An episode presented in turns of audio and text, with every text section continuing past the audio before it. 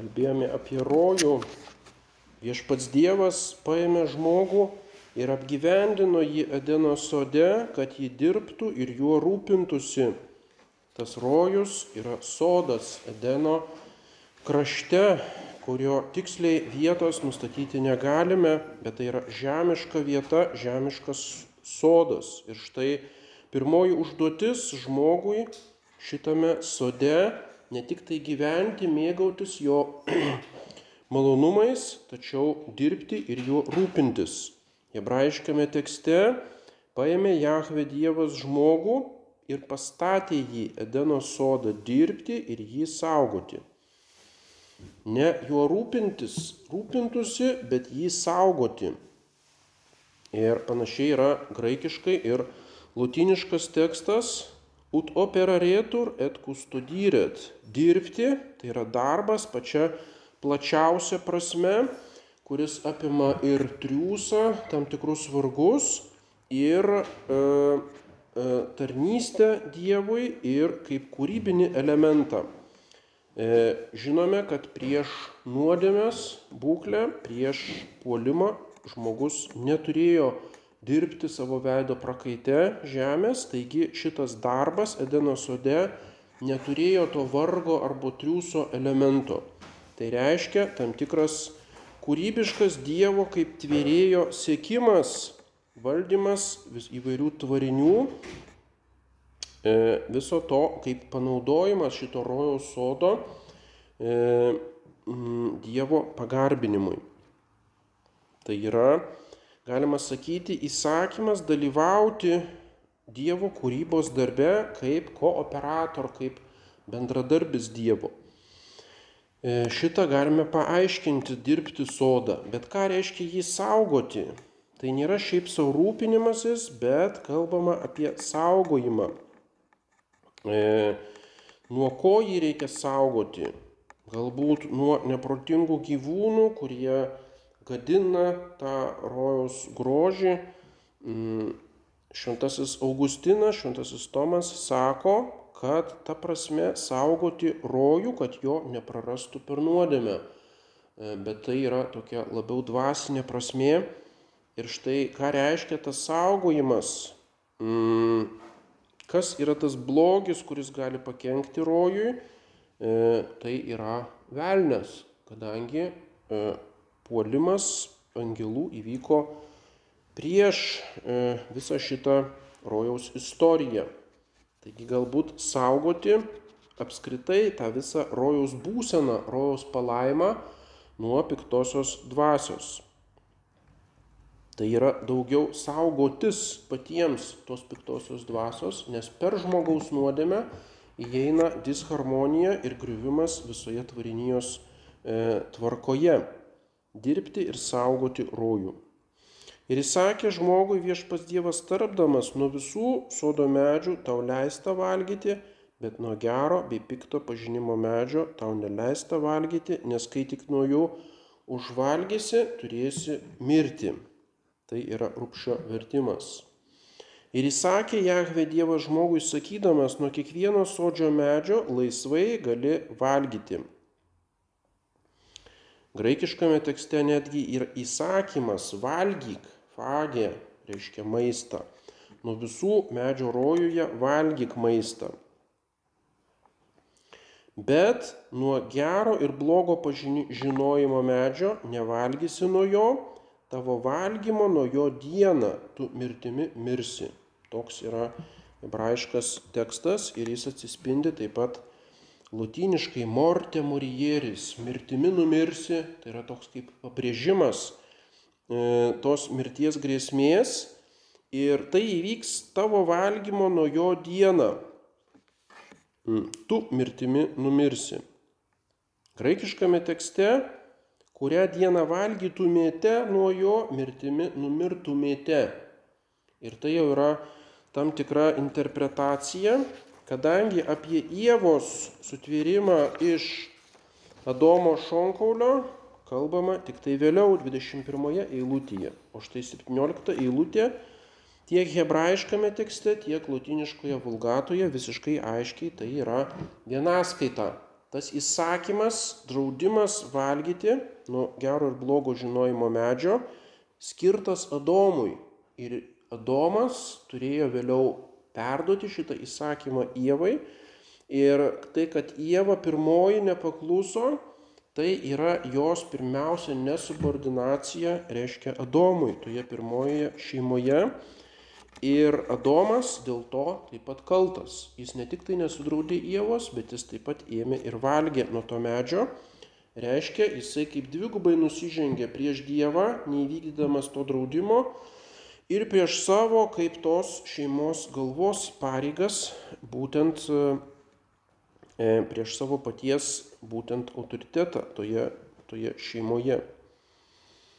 Gero ir blogo žinojimo medis. Tai yra ne apskritai teoriškai žinoti, kas yra gera ir bloga, šitą žinojimą turėjo Adomas ir Jėva nuo pat pradžių, tai yra įlietas žinojimas kadangi be šitokio žinojimo taip pat nebūtų moralinės atsakomybės už jų puolimą, tačiau jie puikiai šitą žinojo, kas yra gera ir bloga, tačiau tai reiškia sprendimą, kas yra gera ir bloga. Tai yra valios sprendimas, savarankiškas sprendimas.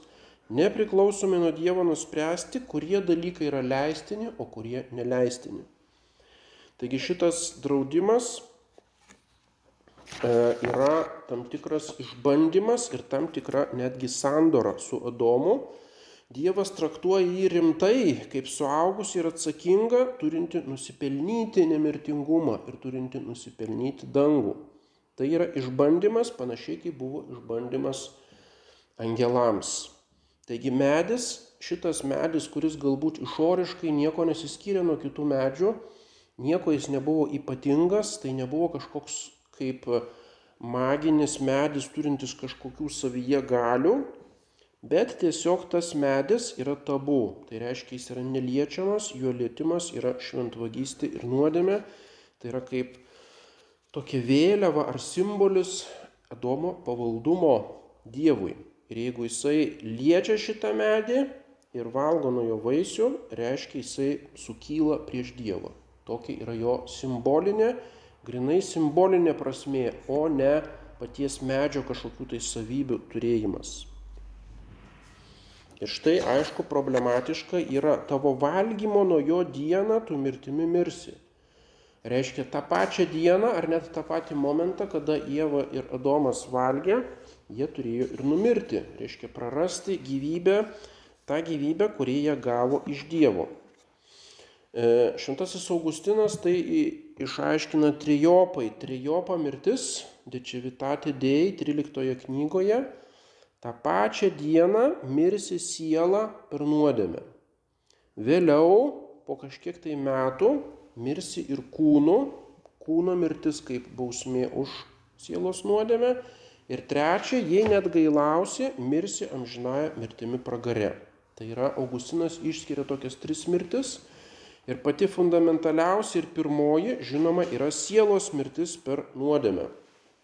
Ta siela, kurią Dievas įkvėpė Adomui, e, būtent ir yra pats vertingiausias dalykas. Ir štai tos sielos mirtis, e, dvasinė mirtis per nuodėmę Dievo akise ir yra pats blogiausias dalykas. Jis yra kaip pagrindas paskui kūno mirties ir pragaro.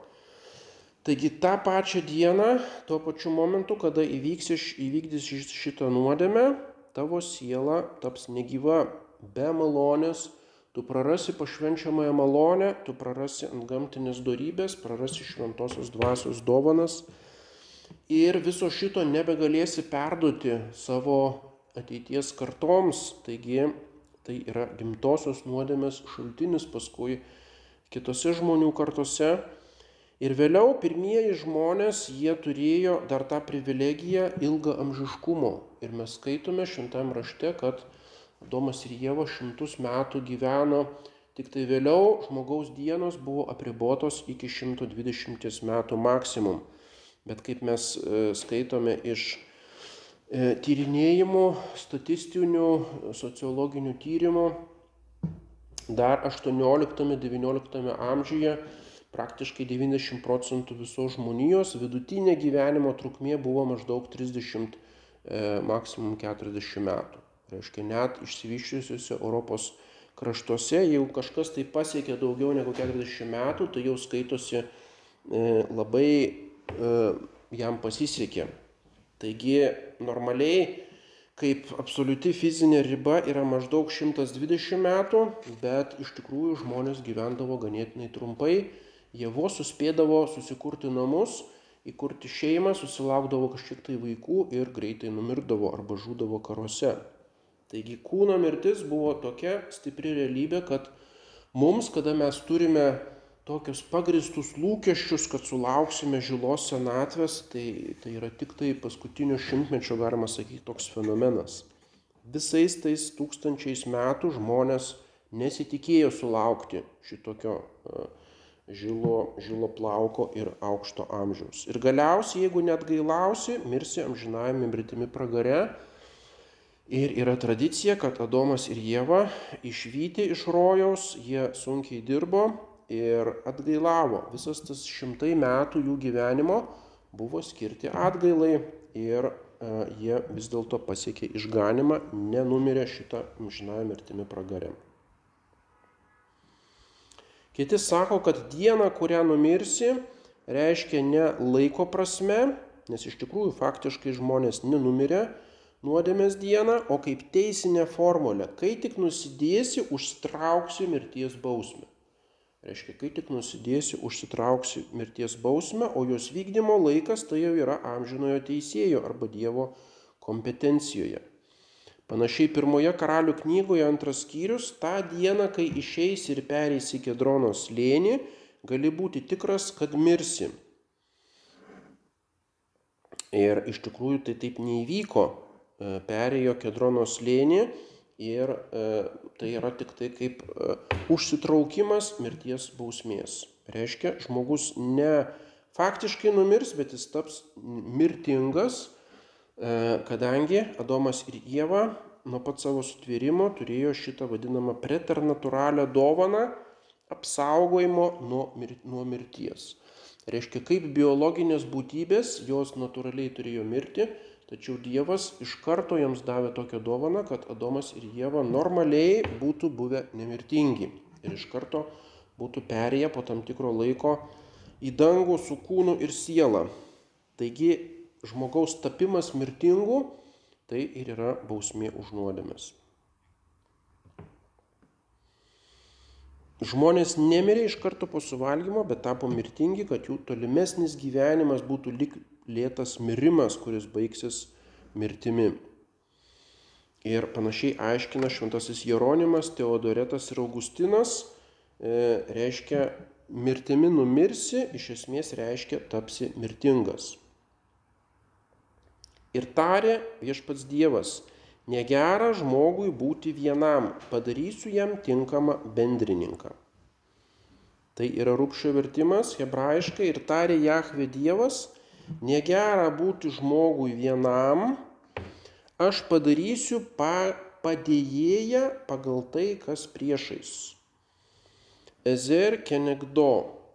Neget tai yra, kas yra priešais, opozicijoje man. Padarysiu padėjėją pagal tai, kas priešais. Mm. Lutiniškai jau verčia fačiamus adjutorium simile sibi, panašų į jį. Tai yra to pagal tai, kas priešais toksai išaiškinimas, kad kalba eina apie panašumą tam tikrą. Taigi pats Dievas mato ir deklaruoja, nėra kalbos, kad Adomas ėmė skūstis, o aš čia slankioju rojuje, nėra man ką veikti, nei su kuo pasišnekėti, jaučiuosi vienišas, bet galbūt taip ir buvo. Reiškia, kadangi žmogu, žmogus buvo sutvertas su visuomeninė socialinė prigimtimi.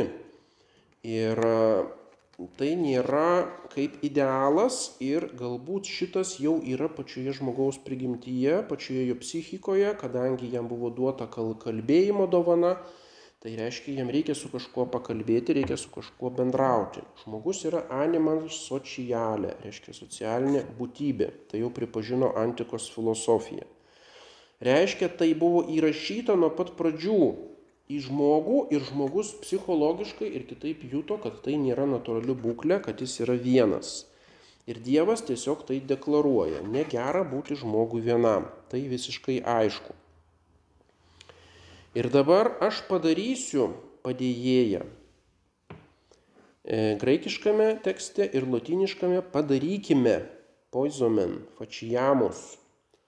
Reiškia, čia jau įvedama daugiskaita, bet jos hebrajiškame tekste nėra. Šita daugiskaita yra būtent tuose tais momentais naudojama, kad, kurie yra ypatingai svarbus šventame rašte. Tai reiškia, e, kai kurie išvelgia tai kaip e, švenčiausios trejybės nuoroda, kad e, tame sutvėrimo Ievos akte taip pat dalyvavo visa švenčiausioji trejybė kadangi mes suprantame švenčiausiai trejybę arba jau mums apreikšta panašiai kaip šeima, šeimos tam tikromis analogijomis.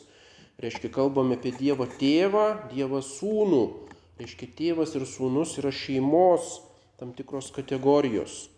Ir štai reikia žmogui sukurti tokią šeimą. Reiškia, lyg šventoji trejybė kalba apie savo tam tikrą atvaizdo kūrimą žmonių bendruomenėje. Ir štai kas tas yra padėjėjas.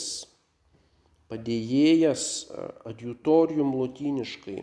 Rupšys verčia bendrininkas, bet vis dėlto tai kalbama apie padėjėją, kas padeda e, funkcionuoti arba padeda gyvenime. Ir štai tas padėjėjas bus pagal tai, kas priešais arba pagal panašus į jį, reiškia Adomas, sutvertas pagal Dievo atvaizdą, o tas padėjėjas bus sutvertas pagal Adomo atvaizdą, galima taip sakyti.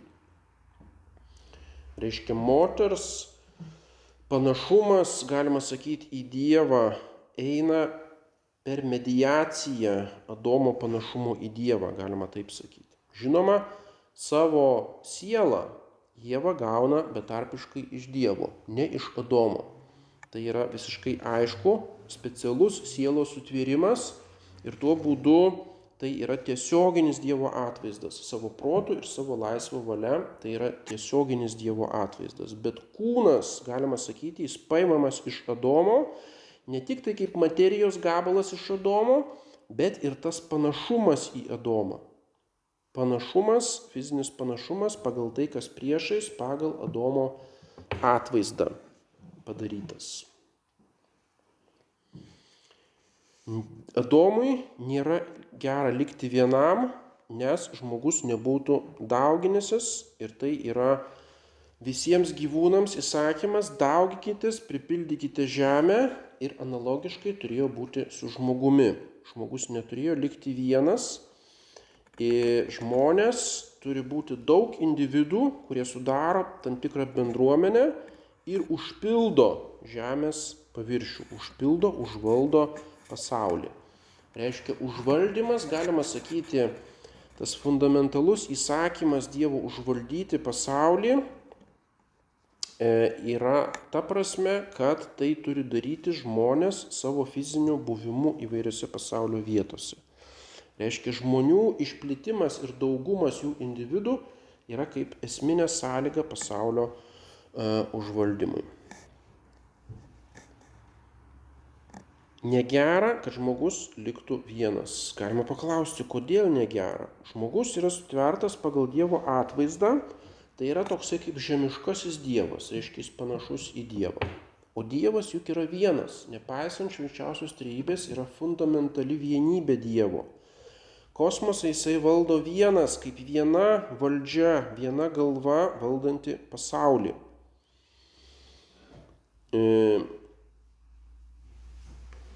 Tai yra būtent dieviška vienybė, žmogus, žmogus pagal Dievo planą buvo sutvertas kitoks, būtent jis kaip kolektyvinis asmuo, kaip bendruomenė turi atlikti tą fundamentalią pasaulio valdymo užduotį. Koheletas ketvirtas skyrius dviem yra geriau negu vienam, nes jie gauna didesnį atlygį už savo triūsą Jei vienas iš jų suklumpa, kitas padeda bičiuliui atsikelti, Vargšas vienišam žmogui, latiniškai ve soli, vargas vienam. Juk kai suklumpa, nėra kas jį pakeltų. Panašiai, kai dviese kartu miega, jie šildo vienas kitą. Reiškia, tai jau kohaletas kalba apie puolusio žmogaus būseną, kad puolusiam žmogui tai jau iš viso yra neįmanoma atsilaikyti vienam šitame pasaulyje, jeigu žmogų nebūtų sutverta Jėva ir nebūtų vėliau jų vaikų, šitoje priešiškoje gamtoje, kuri jau nebeklauso žmogaus, jokių šansų jam išlikti.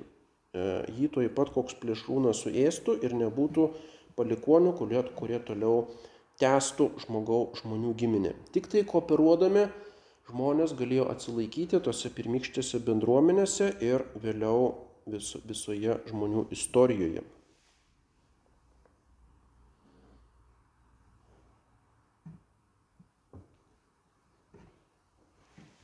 Pratęsime kitą kartą